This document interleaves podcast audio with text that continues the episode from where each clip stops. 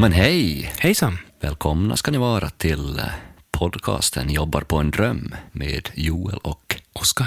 precis. Trevligt, trevligt. Vi gör den här podcasten tillsammans med Musik och Talang. Just det, en eh, festival och kongress i Vasa. Exakt. Den 24-25 nästa gång då, september September ska tilläggas. 2021. Precis. Så där, eh, ni kan gå in på hemsidan, de håller på att bygga den i, när vi spelar in den här podcasten, men eh, gå in inom kort och följ dem på sociala medier och sådär. Med detta sagt, i dagens avsnitt träffar vi Ali Vedadi. Vem är Ali? Ali är A&R på Ten Music Group eh, och jobbar med bland annat Benjamin Ingrosso. Ja, vi ska se vad han säger. Om han kommer med något matnyttigt för hur man kommer in i branschen, hur man blir A&R, vad gör en A&R? Hur man utvecklar ett artistprojekt kanske? Precis, vi får se. Hmm. Mycket nöje. Mysigt. Hej! Alright, vi ska snacka lite grann om eh, kreativitet, Yes. musikbranschen, drömmar. Mm. Tänkte börja med sna- fem snabba frågor till dig, Mm. Fem så vi får lära känna dig lite. Namn? Ali Vedari. Ålder? 33. Lite funders där på ribban. Ja, men jag fyller snart. Men Jag jag, jag är 33 just nu. Just nu. Bor i? Eh, Stockholm, men vill helst bo i Göteborg. Varför det? Men eh, jag är uppväxt där, jag har varit där. Västkusten är lite bättre, lite mysigare. Lite regnigare. Ja, men ändå. Och varför går inte det då? Nej, men eh, jag flyttade upp hit för att jobba i branschen, eller försöka slå mig in i branschen. Och då var det ju så här, ja, men alltid, alla skivbolag och allting fanns här. Skulle man få- en fot in och kontakter så kom jag upp hit och sen så har jag liksom blivit kvar här. Vi fortsätter. Yrke? Eh, A&R på Ten Music Group. Och den svåraste frågan. Vilket är ditt favoritgitarrsolo? Ah, ja, den, den är, svår. Den är Den, svår. den går inte ens att göra snabb liksom. Nej. Ja, men okej, det första som kommer till mig som liksom eh, alltid är eh, ligger i framkant, det är ju eh, Detroit Rock City med Kiss. Det är inget solo i sig, utan det är ju mellanspelet. Liksom. Men jag har aldrig varit ett fan av så monstersolon. Som bara är solo for the case of solo, utan jag har alltid gillat Med melodiska grejer liksom. Precis, men det är ju ett solo för att det är gitarren som skiner där, tycker jag. Liksom. Ja. Så jag, jag svarar Detroit Rock City. precis. Spännande, oväntat val. Och inte Eruption med Van Halen. men det är så roligt, för i, i övrigt är inte jag ett stort Kiss-fan. Liksom. Men, men det, det är ett sånt band som har men så här, tio svinbra låtar som går inte att undvika oavsett om du älskar eller hatar dem. Liksom. Men det blir ju intressant att veta hur allting börjar för dig med musik. Spelar du bas i Göteborgs Tombstone eller var, var börjar vi någonstans? Precis, nej inte riktigt. Jag, jag, eh, jag började eh, min liksom, musikaliska resa eh, väldigt tidigt med att vi hade ju så kommunal musikskola i, i den staden jag växte upp i. Strax utanför Göteborg och där så fick man testa på. Så det började med så här blockflöjt, klassisk. Men sen så efter det så gick jag på och började spela tenorsax. Eh, Så jag var saxofonist i typ sju år. Fram tills att jag började så spela gitarr och bas och då började jag gå ifrån det mer. Liksom. Eh, Men så jag var klassisk skola saxofonist. Musikaliskt så kom jag från bakgrund. Pappa var trummis, min farbror var gitarrist. De turnerade i Iran. Okej. Eh, när de var yngre och liksom så här, du vet, körde turnébuss runt och spelade iransk rock'n'roll typ. och sådär. Eh, så, så det har ju alltid funnits i familjen. Så hemma så var det väl så här en blandning av typ så här väldigt mycket iransk eh, antiregimisk liksom, musik och pre-regim-rock och sånt där. Men även eh, väldigt mycket typ så här jazzvinyler och sen så mina äldre kusiner matade mig väldigt mycket med så här 80 och 90-tals hiphop på kassett typ. Och sen så eh, lite senare så kom jag in på rock på egen hand. Liksom.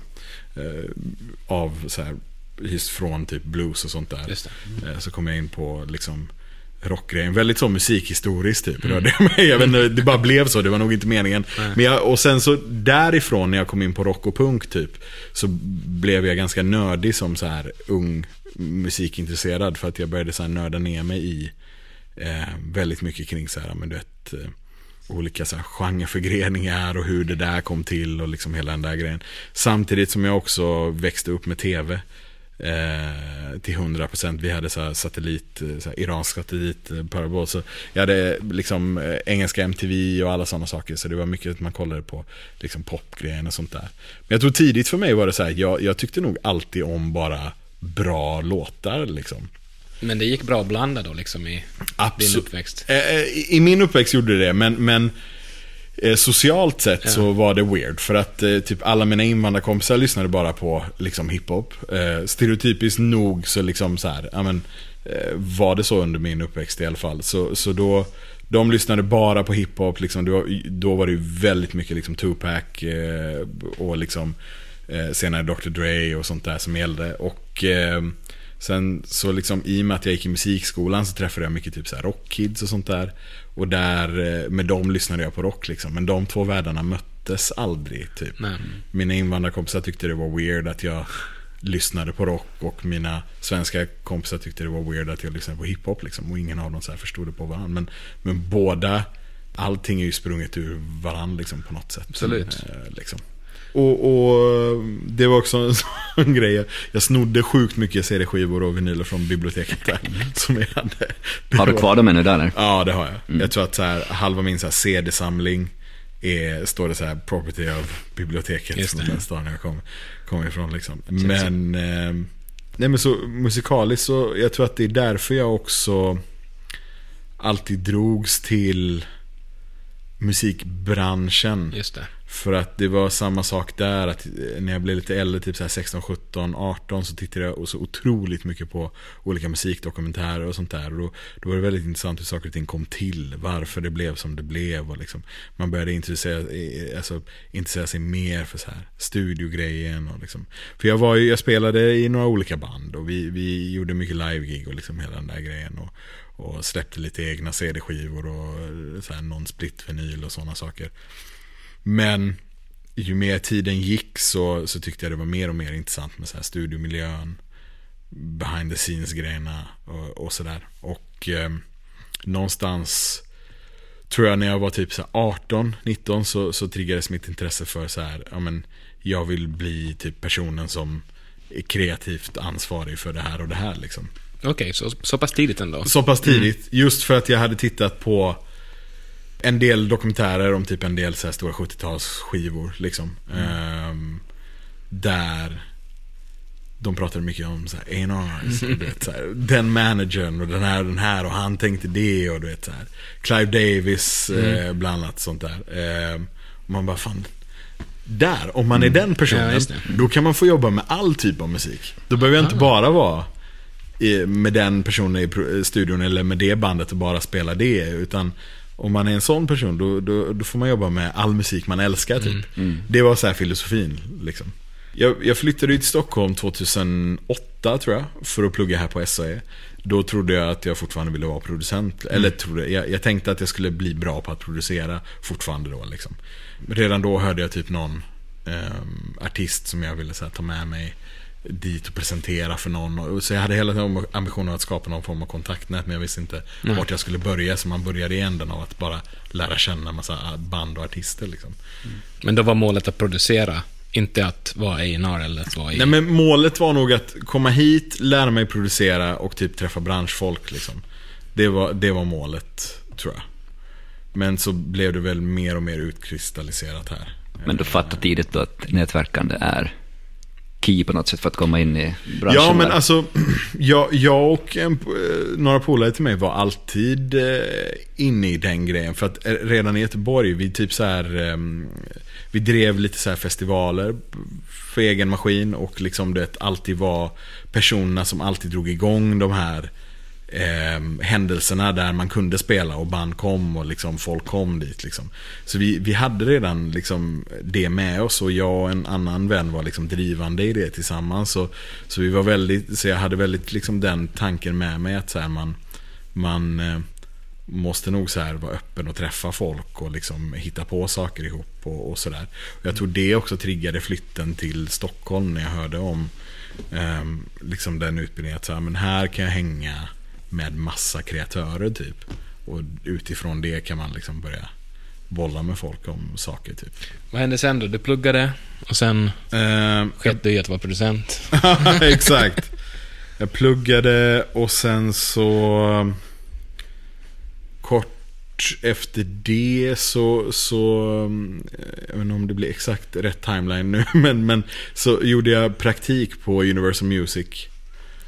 Och under den tiden så startades det även upp en tjänst. Detta var pre liksom streamingvågen Mm. typ. Alltså, jag tror att så här, streaming eh, liksom var liksom Ja men så här, hade precis börjat ta fart där, precis börjat bli den här playlisten-grejen och sånt där.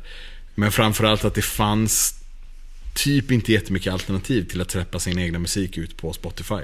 Utan alla trodde att man behövde skicka sin musik till Spotify. Ja, det. Det fanns några så amerikanska tjänster och sånt där och brittiska tjänster. Men det fanns liksom inte, det fanns inget Muse och sånt där överhuvudtaget. Så det var helt liksom främmande.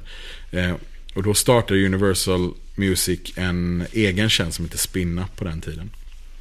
Och Spinup var en av de första så aggregatorerna som var så här Släpp din musik på alla plattformar, typ så här Spotify och Pandora och allt det där som det heter. För en fast summa per år liksom. Och det var så unheard of. Och eh, där var väl början på att jag började visa upp framfötterna, eller liksom som någon form av A&R typ liksom. För att jag satt ju i den här tjänsten och bara lyssnade igenom allting. Liksom. Och hittade typ bra stuff. Och när jag hittade någonting som jag tyckte var jäkligt nice så började jag göra massa research på den personen. eh, Och kolla, så här, vet, kolla lite statistik och allt möjligt och sånt där. Och sen så slussade jag vidare det till någon A&R på, på Universal som eh, kollade på det och i så fall plockade upp det och sånt där. På den tiden förstod jag inte alls någonting kring liksom så här, men politiken på ett skivbolag eller sådär. Så, så för mig var det så här, varför plockar ni inte upp allt detta liksom? Exakt. Men, men, ehm, men det förstår jag ju nu liksom. Eh, Hittade du några guldkorn då? Ja, men det fanns eh, ett gäng guldkorn där i liksom. Det var en, någon så här um, indie-grej som s- släpptes på då kallat Stranded Records. Och sen så hittade jag en annan grej som var så här ehm, Som var liksom ehm, någon form av så här eh, techno eh, liksom. Eh, som är ganska bra. Ehm, och då under den tiden så jobbade jag även med liksom lite andra artister vid sidan av. Eh, lite så här producenter som, där vi gjorde lite officiella remixer till olika artister. Jag började jobba med en ung tjej som heter Melina då. Hon var så här singer-songwriter eh, tjej och vi, där var det så här, vi hjälptes åt att via mina kontakter via Universal och andra folk som jag hade stött på under tiden så här boka lite showcase-gig i Stockholm och liksom dra hype kring henne och sånt där. Och och jag försökte bara vara så aktiv jag bara kunde under den liksom För det var ju liksom en guldlucka jag hade blivit tilldelad Från att liksom inte ha några kontakter alls till att kunna sitta och svepa igenom jättemycket saker och försöka hitta nästa grej och, och sen personligen få presentera det för massa A&Rs på, på liksom ett av Sveriges största bolag. Så jag försökte göra allt jag kunde för att liksom bara synas och, och, och liksom vara där. Det gav ju mig jättemycket kontakter och jag försökte vara så liksom prestigelös som möjligt. Liksom, och lära mig så mycket jag kunde av A&Rsen på plats och, och även liksom hur bolaget var uppbyggt och hela den där grejen. Och ehm, även då ur det så kom det ju då en artist som jag hade jobbat med eh, my- mycket tidigare. Ehm, och honom, vi tog fram lite musik ihop. Det började bli liksom grymt där tillsammans med några producenter som, som han jobbade med då. Och jag tog med det och presenterade det för eh, Eh, på ett så här A&R-möte på Universal. Och eh, eh, var jättepositiva reaktioner. Och eh, det slutade med att det blev signat till, till Polydor där. Och vi jobbade ett tag ihop och där jag fick ta liksom en eh, co-management-roll, eh, om man säger så. Men jag var, jag var nog ganska ung, eh, eller så här, det var, jag var nog ganska grön då, så jag förstod inte allting där heller, för det är samma sak där, en ung och hungrig person vill ju bara att saker och ting ska hända hela tiden. Liksom. Jag, jag ville ju så här åka över till London och träffa folk där och bara, bara göra allt man bara kunde liksom. Eh, Medan det är klart, det finns ju lite mer eh, lager och politik i det på det sättet. Eh, Speciellt kring ett major liksom. Men, men eh, jag lärde mig jättemycket alla de åren. Vad var den största grejen du lärde dig då? Eller liksom om du kan pinpointa något? Den största grejen jag, jag tar med mig från alla de vänderna är nog liksom det här med att ingenting är så här satt i sten i den här branschen. man, man lägger upp en plan och så försöker man nå de här målen. Men, men det är så många faktorer kring ett släpp som ska klicka. Både liksom eh, bara med själva releasen men också så här på ett världsligt plan. För att liksom någonting ska hända. Du måste utsätta dig för så jäkla mycket tur hela tiden. Eh, och det gör du genom att här bara finnas på så många ställen som möjligt på ett sätt. Vad hände efter Universal och Spin-Up då? Jo men då, då blev jag kontaktad av lite folk. Eh, på rekommendationer av folk som hade sett vad jag hade gjort för, alltså hos Universal och ehm, eh, hos Spinup och så vidare. Och egenskap av att jag hade sprungit runt och varit naiv. Mm. eh, så då kom jag i kontakt med en man som hade hjälpte eh, Universal med backenden av, av Spinup liksom grejen. Han jobbade väldigt nära sen way back med Ola Håkansson. Eh, Johan Lagerlöf hette han, drev X5 och eh, numera på Spotify. Han eh, hade rekommenderat mig till eh, Ola Håkansson. Och eh, Ola ringde mig någon dag och eh, det var galet bara. Det tyckte jag så här, det, så här jag, jag kanske inte riktigt fullt ut hade 100% koll så här, vem Ola var. Jag visste att han var så här legend inom branschen men jag visste liksom inte allt om Ola and the Janglers och, och liksom hela den grejen. Och att han hade varit så aktiv så länge liksom. Jag visste om liksom Stockholm Records och mm. liksom de, alla de där grejerna liksom. Men, men eh, Ola ringde mig och eh, vi tog en lunch eh, och eh, bara pratade musik typ. Vi pratade ingenting om jobb eller någonting utan vi pratade bara om eh, musik typ. Och det var skitnice. För han, han, han, är ju, han är ju från den sidan liksom. Han har ju varit artist eh, stor del av sitt liv och liksom sen producent och sen förläggare och sen liksom allt möjligt. Och han har också alltid varit en sån där person som brunnit för liksom alla sorters typ av musik. Liksom. Men vi träffades och eh, pratade massor och jag förstod det som att de hade någon idé om att starta någon liten sublabel eller någonting. Men eh, det blev inget med det, rann ut i sanden. Jag fortsatte harva på eh, med mitt egna bolag. Ehm, där jag sen managerade lite producenter och sånt där. Och sen så ehm, hörde Ola av sig ett år senare. Ehm, eller nej, vet du vad? De sökte, förlåt, de sökte, ett år senare så sökte de en A&R till TEN. Och och eh, då sökte jag den tjänsten och då kom Ola ihåg mig från att vi hade käkat lunch. Så då, då fick jag komma upp och, och på liksom en intervju för tjänsten. Liksom. Och sen så tror jag det typ gick en tre veckor eller någonting så fick jag jobbet. Mm. Kul. Ja, och, och, det var ju en sån. Jag kommer ihåg att jag var skitnervös. För det var så här, jag hade eh, när jag väl hade börjat komma in i branschen lite grann så hade jag en liksom så egen liten målsättning att jag ville liksom bli en av så här få invandrare A&Rs i, mm. i svenska musikbranschen. För det fanns så få liksom, eh, vilket man inte kunde tro om musikbranschen att den är liksom så himla så här, så här inkluderande och så vidare. Men eh, faktiskt när man tittade på liksom hur bolagen såg ut så var det inte jättemycket folk med mm. invandrarna. Men också så att jag ville verkligen bli A&R.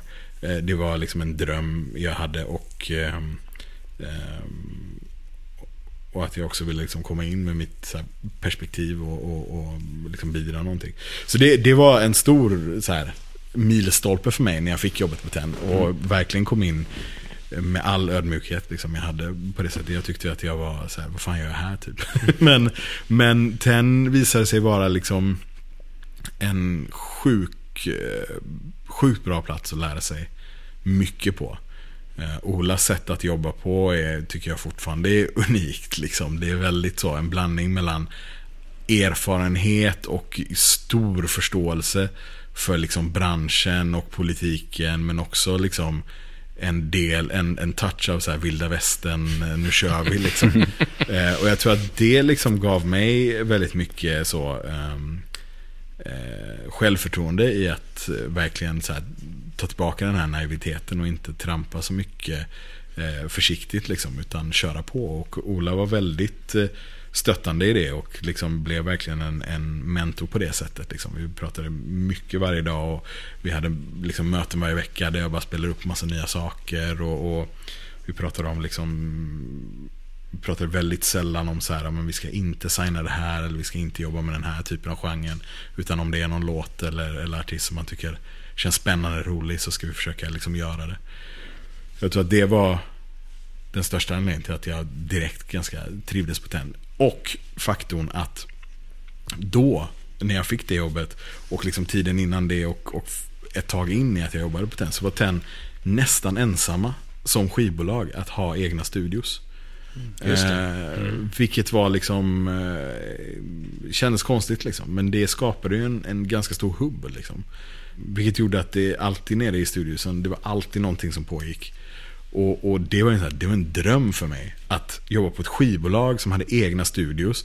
Så att jag kunde dagligen sitta nere i studion och bara lyssna på alla kreatörer skapa musik. Och utifrån där så här börja plocka vad som kommer till och fan där är nästa grej och så vidare. Det var ju det var en dröm. Och dessutom att kunna signa någonting och bara så här gå ner i studion med det direkt. Liksom. Det var ju alla verktyg man behövde för att kunna, kunna göra det.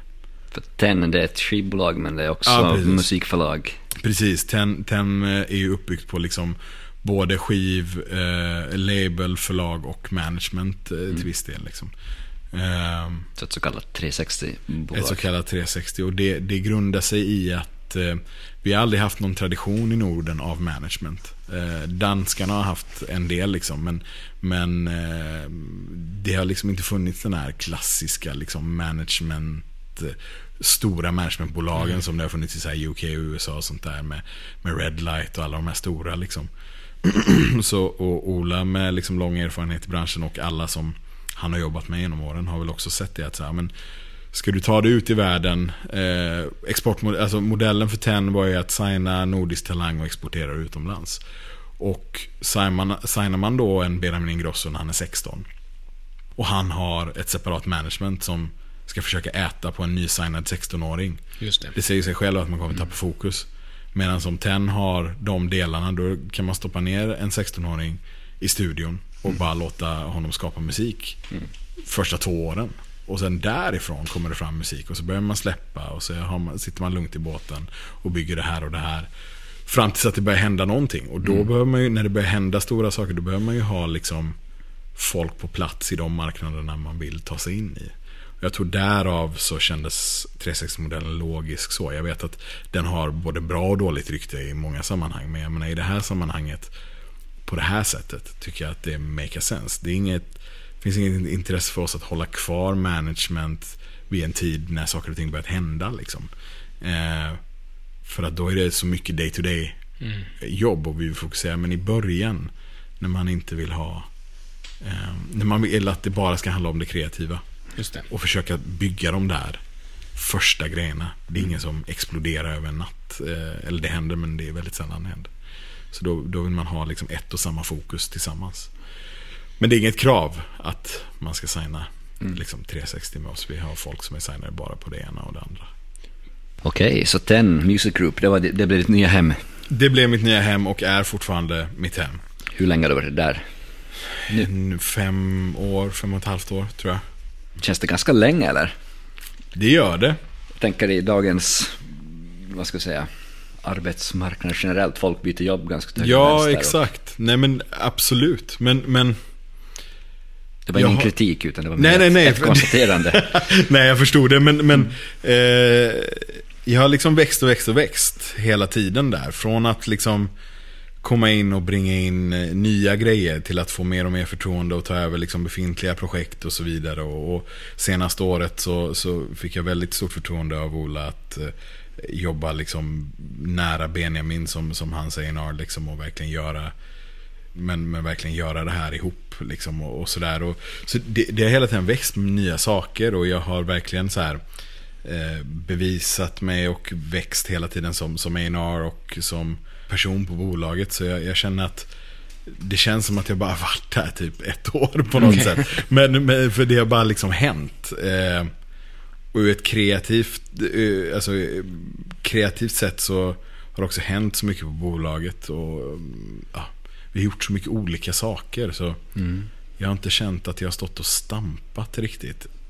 Men att vara A&R åt Benjamin Ingrosso då, vad, vad går det ut, vad gör ni tillsammans, när ni har skapat det tillsammans? Ja, alltså just, just med honom, Benjamin är ju, alltså, han är en av våra bästa låtskrivare på, på liksom förlaget och, och en otrolig, alltså så här, alltså otroligt eh, kreativ och dukt, riktig musikalist liksom. Jag, det var nog något jag inte så här tänkte om honom när jag började på TEN, men sen så har man liksom lärt känna varandra. Och han, han, är, han är musiknörd liksom. Och jag tror att jag och han eh, de här senaste liksom, tre åren vi har umgåtts mer och mer eh, ur, kreativt, eh, ur kreativ synvinkel så, så har vi hittat varandra i det. Att vi båda är så här musiknördiga liksom. Så ur det avseendet så klickar jag han väldigt bra i form av så här, men du vet, att vi, när vi pratar musik och vi pratar nya, hans nya demos och sådana saker så hittar vi alltid så gemensamma grejer liksom som vi älskar att, att nörda ner oss i eh, på det sättet. Så just på hans sida så är det så här, han, eh, han känns också som en så, han är hyperaktiv liksom. Så när han kommer in i ett rum så börjar han spotta ur sig liksom tusen melodier och sätter sig och så här, alltid sitter vid pianot och plinkar. Eller sitter med något instrument och kör och så kommer det ut massa idéer. Och så, eh, jag tror att många så producenter som har jobbat med honom, speciellt eh, typ så här, ja men, eh, liksom, unga producenter och sånt där, så fort Benjamin kommer in i ett rum och börjar spela så blir alla så Öh, vänta vi måste spela in allt det här. Liksom. Men, men för Benjamin är det att han värmer upp. Liksom. Eh, och det är väldigt fantastiskt med honom, vilket jag tycker är väldigt inspirerande. Och han är heller inte rädd kreativt, vilket jag tycker är så otroligt eh, häftigt för en så ung person. Att, att våga ta ut svängarna liksom, på det sättet han har gjort. Och, och jag tror att hela grejen som triggades av liksom Dance You Off och, och den, hans debutplatta som gjordes där. Eh, att det var så mycket olika typer av liksom, poplåtar. Han, han, liksom, han är också sån, han älskar låtar. Liksom. Eh, bara säga om recap på det här året till exempel. Så när det bestämdes att man skulle vara med i Så mycket bättre och, och göra den här svenska plattan som bitar av den här svenska plattan hade funnits redan sedan långt innan. Det hade varit en dröm för Benjamin att få göra en klassisk tidlös svensk platta för att många av hans stora inspirationer liksom är så svenska hjältar från, från 70 80-talet mm. liksom och så vidare. Och jag som så här nödvändigtvis kanske inte är världens största fan av så här Ted Gärdestad eller Orup eller sådana saker. Eh, förstår dock alltså nördigheten i mm. liksom, den eran och hela den där grejen och, och kan mycket om det bara för att säga jag har nördat ner mig i det. Men, men där möttes ju vi liksom, när, när vi snackade om det. Att säga, jag vill göra en sån här typ av platta. Liksom. Och jag tror mycket av det var så här, men då, då försöker vi göra det på ett klassiskt vis. Mm. Liksom. Det fanns några låtar som, som lät väldigt tidlösa. Ola la på förslag att man skulle ringa in eh, Anders Glenmark för att liksom på något sätt eh, hjälpa till att arra lite grann och sånt där. Och då blir det ganska tydligt att man så här, men då gör vi det så här traditionellt i en gammal studio mm. liksom och, och, och, spelar in det liksom. Eh, så då gjorde vi det i, i Soundtrade Studios, mycket av låtarna och sånt där. Och vi, vi fokuserade väldigt mycket om det här klassiska soundet och hela den grejen. Och även när vi tolkade låtarna till Så mycket bättre så var det mycket snack om att så här man började snacka, han började snacka väldigt tidigt om så här, men jag vill att eh, jag vill med varje låt förmedla en grej eh, som är liksom min inspiration till de här låtarna om man säger så. Eh, spelade in väldigt mycket stråk, gjorde mm. vi. Väldigt mycket stråkarrangemang. Ganska dyrt. Eh, ja, dyrt nu för tiden, precis. Men vi la ändå, vi la ändå en rimlig budget för det med bra folk fröjd gjort. Men jag, jag, tycker att det var värt varenda öre alltså. Och sen så var det mycket idéer kring, kring typ ehm, eh, eller han hade en idé om att han ville skriva en låt om, om typ så sin barndom och, och, och, sina morföräldrar och sådana saker. Och eh, han ville göra liksom en, eh, en idé om att han ville ha liksom någon form av visa typ. Eh, och sådär, då började vi snacka ganska mycket om det och då kom vi in på eh, så klassiska kvinnliga röster och det var så vi kom i kontakt med Monica Mac. Eh, och då var det också sådär, också en first att så här, men då gjorde vi inte ett klassiskt pop-session utan då var det, jag tror att eh, jag tror att det var spännande för både eh, Monica och, och Benjamin att liksom skriva ihop. För liksom Benjamin var så här, ja, men det, de, det var ju två olika världar mm. som möttes i deras hjärnor. Mm. Medan jag tycker att så här, ni är av samma skrot och korn. Ni är båda liksom musikaliska, eh, duktiga liksom. Så den sessionen var egentligen bara så här, hon och han vid ett piano. Och de bara spelade in på mobilen. Och så skrev de hela låten den dagen. Och sen så gick de in en vecka senare med en producent. Och liksom gjorde låten. Och Stora Röda Huset heter den. Och den, den eh, blev ju också sådär. De stack ju också ut liksom, i, i klimatet av, av den. Och sen hade han den här idén om att han, han ville göra så här ett eh, outro som lät som så här klassisk eh, svensk film liksom. Och det arrade han faktiskt och skrev själv på piano och Okej. hade så här idéer kring hur saker och ting. Han spelade till och med in så här muntrumpet på en av grejerna. Mm. Men du vet, vi, och, och, och i allt det, liksom, vi spenderade mycket tid i Soundtrack Studios i, i mixrummet och även mycket tid i inspelningsrummet. Och sånt där. Och i allt det tror jag så här. eh, Där fann jag och han varandra att vi blir superexalterade över liksom allt sånt. Och, och liksom så här, också så här superexalterade över att så här, fan vad spännande att släppa den här musiken liksom, eh, just nu. För det känns som att ja, men allt, det kändes så rätt typ på något sätt. Ehm, och det har ju också satt lite det, det, det tänket har ju också satt lite så nu tycker jag. Ehm, det kreativa tänket liksom framåt också. Mm. När vi ska gå tillbaka liksom på, på engelska grejer och sånt där. Just det. Att, att, sådär att ehm, den här tidlösheten får följa med. Liksom. Och hellre än att man liksom tittar på jag tror att går man en så här klassisk så här musik eh, Går man en så här klassisk så här, eh, skriven hitkurs liksom Så kanske man kollar väldigt mycket på så här Vad är hett på topp Ja. 50-listan? Hur låter syntarna nu? Du vet, ett tag var det skulle alla göra den här Ed Sheeran eh, syntarna och liksom det från Exakt. eh, Men härifrån tycker jag verkligen att man ska tänka från det vi började den här podden med. Alltså så här, du vet, om, vad, vad härstammar saker och ting ifrån? Liksom. Och eh, där tycker jag det är skitkul att jobba liksom, på det sättet. Att så här, det här och det här gjordes då. Det, det tåls att återupplivas Mm. liksom, igen och göras på det sättet och, och sådana saker.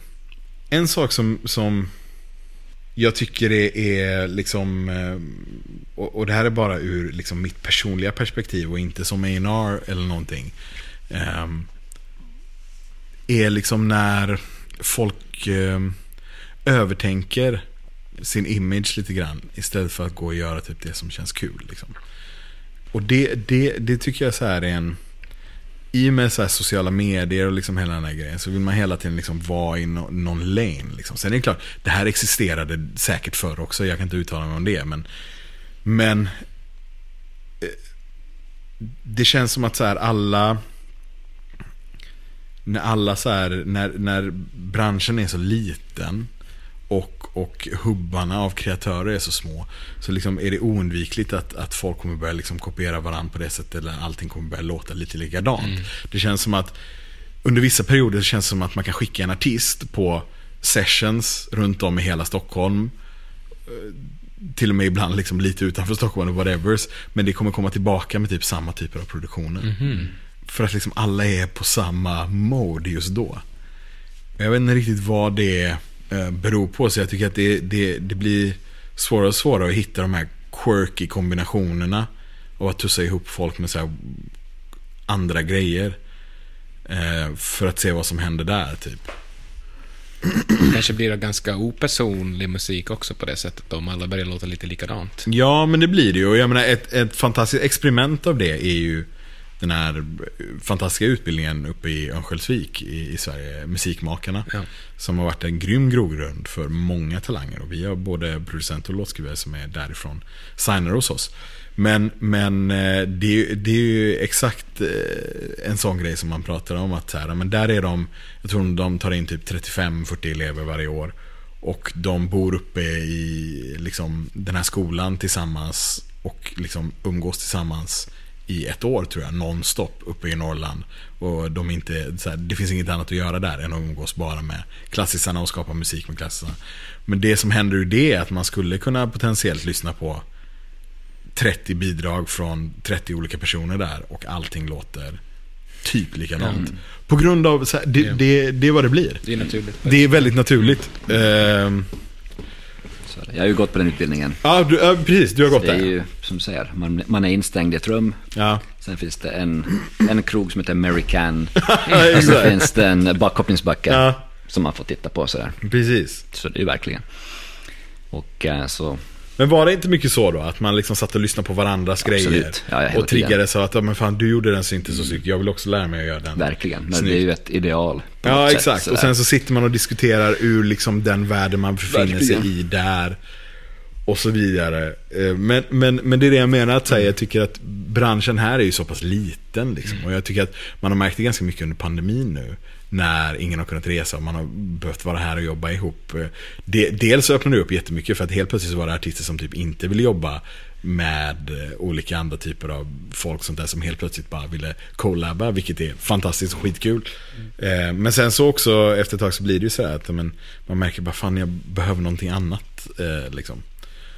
Och och samma gäller på artistsidan. Det eh, Och så har det väl samma sak alltid varit där. Eh, branschen har varit en del av det, att man försöker fostra någon, en viss typ av talang typ. Men, men det känns som att ehm, man får gräva lite ibland för att komma åt de där riktiga liksom, guldkornen som inte är i samma follow och sånt där. Och sen kan det också vara så att mycket av det som man gräver fram som är för mycket out there inte aldrig kommer funka. Men eh, ibland brinner man ju lite extra för sånt också. Och det är väl liksom den, den sidan av mig som, som är väldigt nördig liksom. Ehm, ja, det, det, jag tycker så här, det, det jag typ kreativt sett eh, kämpar med just nu mest tycker jag, det är att liksom hitta de här udda kombinationerna av folk. Liksom. Just det. Och eh, ofta så här när man, det jag ville komma till var att många eh, vågar inte alltid utforska det. Eh, Benjamin är en sån som eh, gör det. Han hör någonting eh, som låter liksom galet och så blir han intresserad vem har gjort det. Mm. Och det kan vara en jättestor producent eller så kan det vara en newbie liksom. Men om han tyckte om det han hörde så vill han gärna testa någonting med den personen liksom. För att det kanske, och sen så också just det här med att, ja men typ han och Monica Mac, att han gick in med Glenmark helt plötsligt. Kanske inte så out there så här i efterhand, men det var det då.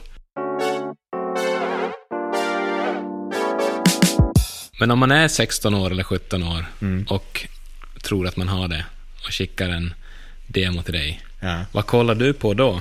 Alltså kollar du på hur snygg man är eller kollar du på hur många följare man har på Nej, Instagram? all, eller? aldrig på hur snygg man är. Nej. Alltså, eh, jag tror den... Den tiden, man kanske kollar, alltså så här, den tiden av så här.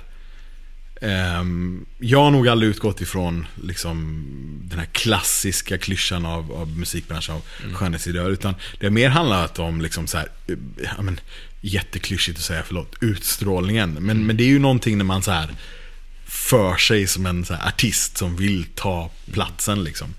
Men nej, alltså nu för tiden när folk skickar demos och sånt där. Eh, om jag får liksom demos till mig så är det ju först och främst demon jag lyssnar på. Liksom. Eh, och då lyssnar jag på liksom låten och sen så är låten bra så börjar man kolla på eh, på allt det där andra. Liksom. Ja, men hur, vem är den här personen? Har den någon Instagram? Ehm, har den gjort någonting tidigare? Och så vidare. Har den släppt någonting tidigare nu för tiden? Kollar man ju också. Liksom. Och sen så i annat fall så, så här, jag, jag har varit med i, jag gör väldigt få sådana här saker som vi sitter och gör nu. Men jag, jag gjorde en panel en gång där jag var med i en A&R panel på där det var någon från London och någon från Tyskland och så vidare. Där de ställde frågan så här, hur scoutar den moderna A&R artister? Och typ alla svarade så här, men jag går på shower. Och jag sa, men jag är på Instagram typ. Och så sa jag det att jag stakar folk på Instagram. Och det kanske låter creepy, men jag menar det är ju där vi är nu. Alltså, alltså, det är ju där folk är. Så det är, och hittar jag någonting där så är det så här också så här. Samma sak egentligen, kan man hitta någon musik. Det här ser lite cool eller quirky ut typ. Eh, finns det någon musik? Jag tänker att, eller min erfarenhet, nu är inte jag en enorm men pro- producent och då tycker jag att även när man jobbar med unga artister och släpper dem liksom independent så är det väldigt många skivbolag och management där ute som sitter och tittar på nya releaser även om de är små och liksom jagar upp Ja, folk. absolut. Nu håller man ju koll på vad folk släpper via de olika aggregatorerna. Liksom och sånt där. Om, ehm, om Muse eller Spin-Up eller Record Union eller CD Baby har typ så egna spellistor. kan man gå in och hänga i dem. Kolla så här, vad är det här? Man kollar lite på typ så här virala listan. Typ, där kan det dyka upp lite weird saker ibland. Typ. Eh, ja, men, mm, lite, lite överallt. Eh, Men också fortfarande typ så här, lite olika skolor. Så det, det är en blandning av saker. Eh, Men det lönar sig att eh, ha, inst- eh, ha ett aktivt Instagramkonto i alla fall. jag? Ja, det, Nej, det lönar sig för, för Ja, artister. absolut. Ja, definitivt. För att du Alltså, ska bli intresserad. Jag, jag, jag tror, eh, sen så säga hur många följare personen har eller inte, det, det spelar liksom ingen roll. Men, men, men om man ser ändå att det finns liksom en grej där, liksom, då, då är det klart att det är lättare att liksom bli indragen i det. Mm. Än att man hittar en låt på Spotify men hittar inget annat om artisten. Mm. Det är ju tråkigt att säga så här, att det, det, det, det känns ju som att så här, ja, men någonstans så måste man finnas någon, på någon social media för att typ existera idag. Ja. Vilket kan vara liksom deppigt i mångt och mycket. Men, men, men ehm, ja, absolut, definitivt ha någon form av aktiv profil. Om det är på Spotify eller på Instagram eller, eller TikTok. Soundcloud eller, ja, precis. eller Bandcamp för den delen. Så, så, så, så ha det, för att det gör ju att man ganska lätt kan liksom kolla upp lite info om, om eh, liksom, artisten och eh, försöka reacha ut. Liksom. Om man får ditt, din uppmärksamhet, vad kan du göra bättre än den som ger ut själv då, via en distributör eller... Delvis behöver man ha ett skivkontrakt. Ja. Nej, alltså jag skulle säga eh, det finns lite olika sätt att se på det. Det beror på vad man har för ambitionsnivå. Eh, idag finns det ju alla möjliga typer av kreatörer. Eh, jag har ju stött på folk som så här också livnär sig på att bara göra typ pianostycken liksom, och släppa det och så streama det i massa så här lugnt och skönt listor och så vidare. Det är ju en helt annan ny typ av liksom eller det har funnits för det produceras jättemycket sådana här eh, du vet, Greensleeves och Pachbelli gitarrtappningar och pianotappningar som gavs ut på sådär relax-CD. Men nu, nu finns det en helt ny marknad för det. Och det finns folk som gör det. Men sen så finns det ju också, ehm, ja men som sagt hela DIY-scenen har ju blivit jättestor. Och har liksom, den kokar ju liksom och det är fantastiskt och, och jag älskar det. Och, och, så det, det handlar ju om liksom vilken ambitionsnivå man har. Eh, jag tror att oavsett vem du är så kan det vid någon tidpunkt vara påfrestande att göra allting själv hela tiden, dag in, dag ut. Så jag tror att alla skulle må bra av att ha någon form av team runt sig. Eh, Sen om det är ett actual skivbolag eller liksom ett, ett stort managementbolag eller inte. Eller om det är att man bara har typ någon PR-person som jobbar med en. Eller någon person som man har ett långvarigt samarbete med som agerar ens manager och så vidare.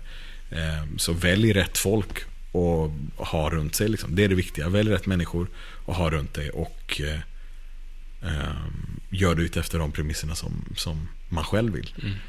Sen så tror jag att om man liksom planerar på att bli stor i Sverige så kan man liksom ta sig väldigt långt på egen hand. Det har ju hela liksom, eh, den här unga rapvågen liksom visat. eh, Att därifrån kan du komma väldigt långt på att liksom vara din egna och, och kanske ha ett bokningsbolag och så vidare. Men för att eh, dina fans är där du är. Liksom. Var tror du att vi är om tio år då? Nej men kanske just det här med att eh, Eh, det har blivit ännu starkare. Om vi pratar om Sverige liksom, eh, och, eller Norden. Så tror jag att eh, kanske att eh, managementkulturen har vuxit sig ännu starkare. Jag tycker att jag ser att det poppar upp fler och fler liksom, renodlade managementbolag. Eh, det börjar bli mer och mer än liksom, actual eh, sida av det. Förut kanske det fanns liksom en- enstaka personer som gjorde det. Men nu, nu börjar det bli mer och mer av liksom, eh, renodlat management. Eh, och renodlade liksom, agenturer lite grann. Mer än bara liksom, skivbolag. Men jag tror att liksom, alla de här förgreningarna av, av allt man kan göra i branschen kanske kommer bilda starkare strukturer. Det finns ju jättemånga artister idag som distribuerar via till exempel Muse. Men har en budget och lägger det på att anställa ett PR-bolag. Som pitchar åt den till radio och tidningar och så vidare och så bygger på det sättet. Och sen när man kommit upp till en viss nivå så kanske man signar med en liveagent liksom. Och sen så har man den strukturen. Jag tror att de här grejerna kommer kanske utkristalliseras ännu mer. Hellre än att det är så här traditionellt bara skivbolag liksom. Skulle du rekommendera musikbranschen? Ja, alltså det är ju en- det är en kul bransch. Det är det. Men man får nog vara beredd på att ingenting är som man tror att det är. Liksom. Och jag tror att man får också vara beredd på att eh, det är bitvis väldigt jobbigt. Eh, som sagt för att man, man jobbar liksom med eh, kreativa saker och kreativa saker är väldigt sällan stöpta i en viss form. Eh, och sådär. Eh, och om man gillar liksom att så här, eh, kunna skifta idéer väldigt snabbt och, och ha väldigt mycket deadline-ångest så Just det. så absolut. Älskar det, precis.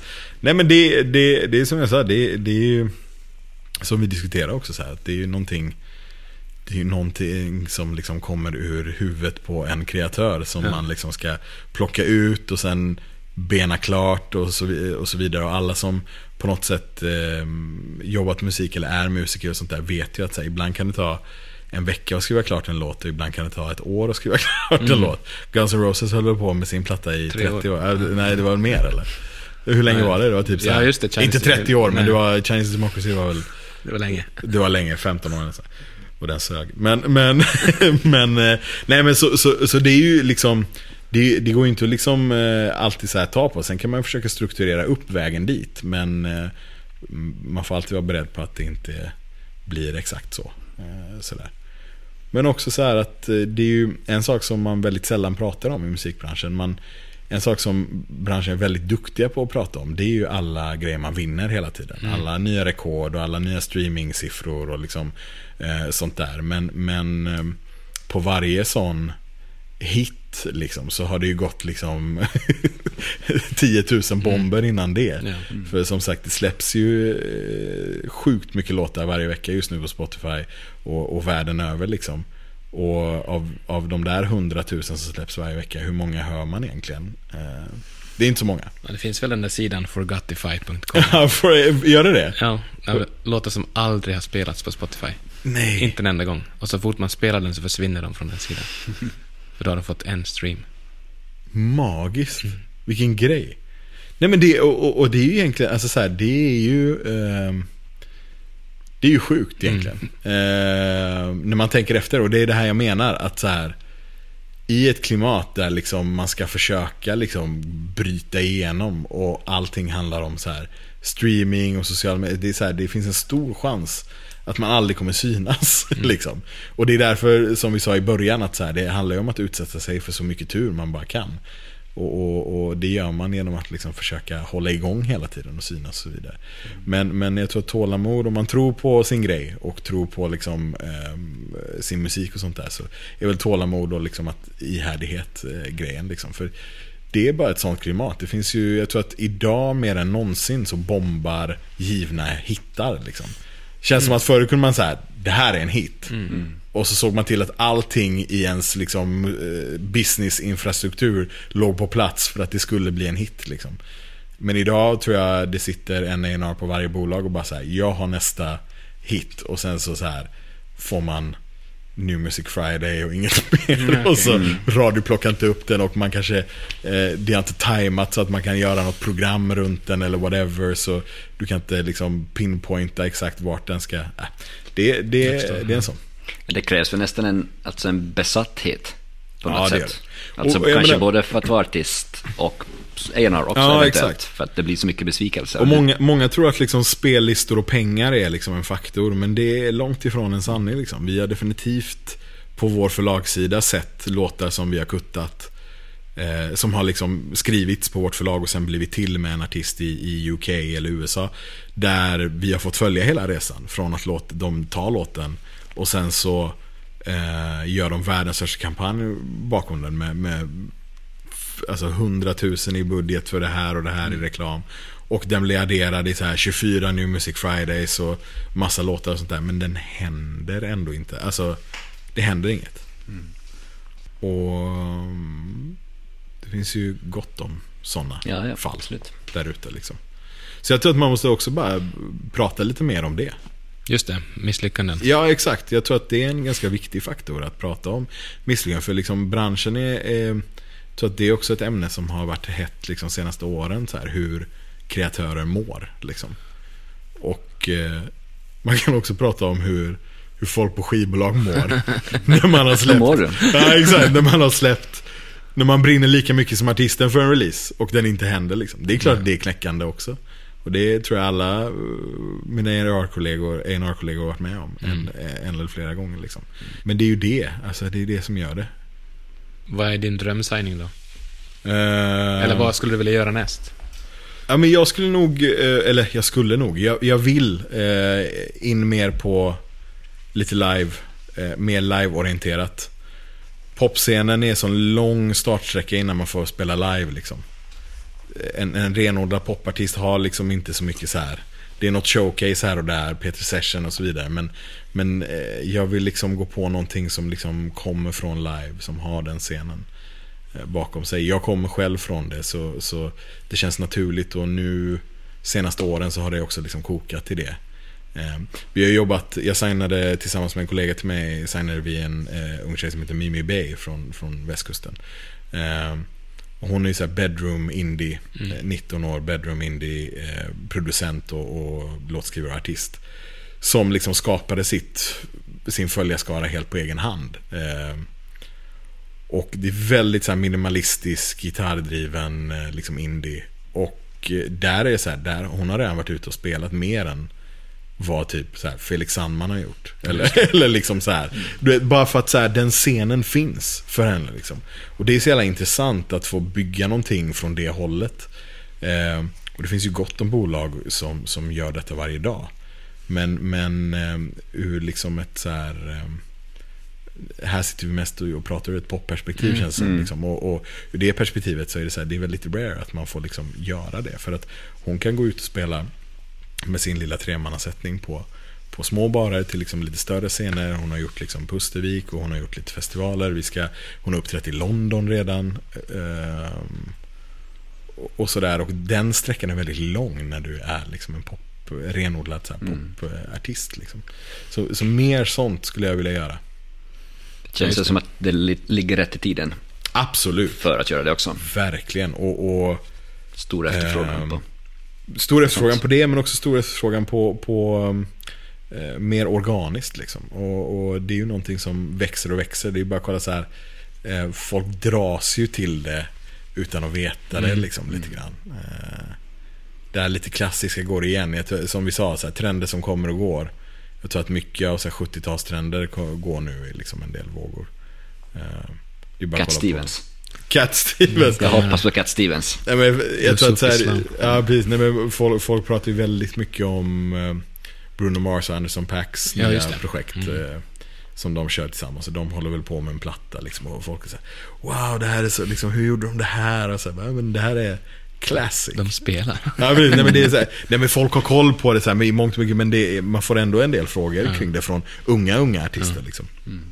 Och, Ja, det går ju inte riktigt att programmera den grejen som de spelar.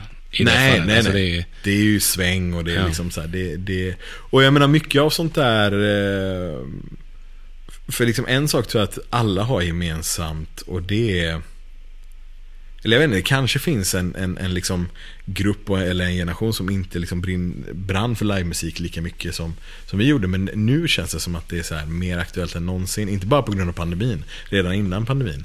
Att så live, man vill gå och uppleva någonting live. Mm. Det, det är liksom en helt annan grej. Och, och det tycker jag också det har jag med mig från förr. Att man ville gå och se någonting live och sen så eh, därifrån ta det. Och, och det känns svinkul. Det känns svinkul. Jag tror att när vi gjorde eh, liksom Benjamins första liksom, riktiga turnéer där. Och man kom ut och så här spelade live och Benjamin kände bara fan det är här jag vill stå. Liksom. Och, och publiken tyckte att det var skitnice och, och få se det i den tappningen och sånt där också. Det känns ju kul. Det är ju, det är ju något annat än att bara stå med ett backing track på en showcase-scen med massa branschfolk. Liksom. Så nej, det, jag tror mina nästa signingar kommer nog vara eh, åt liksom organiska hållet och liksom baserat på att försöka bygga från, från eh, livescenen. Liksom. Så kanske lite svettig hårdrock de andra ord. Nej, det, det blir nog ingen hårdrock så, men... Eh, eller, man ska aldrig säga aldrig. Vem vet, det kanske kommer någonting skitbra.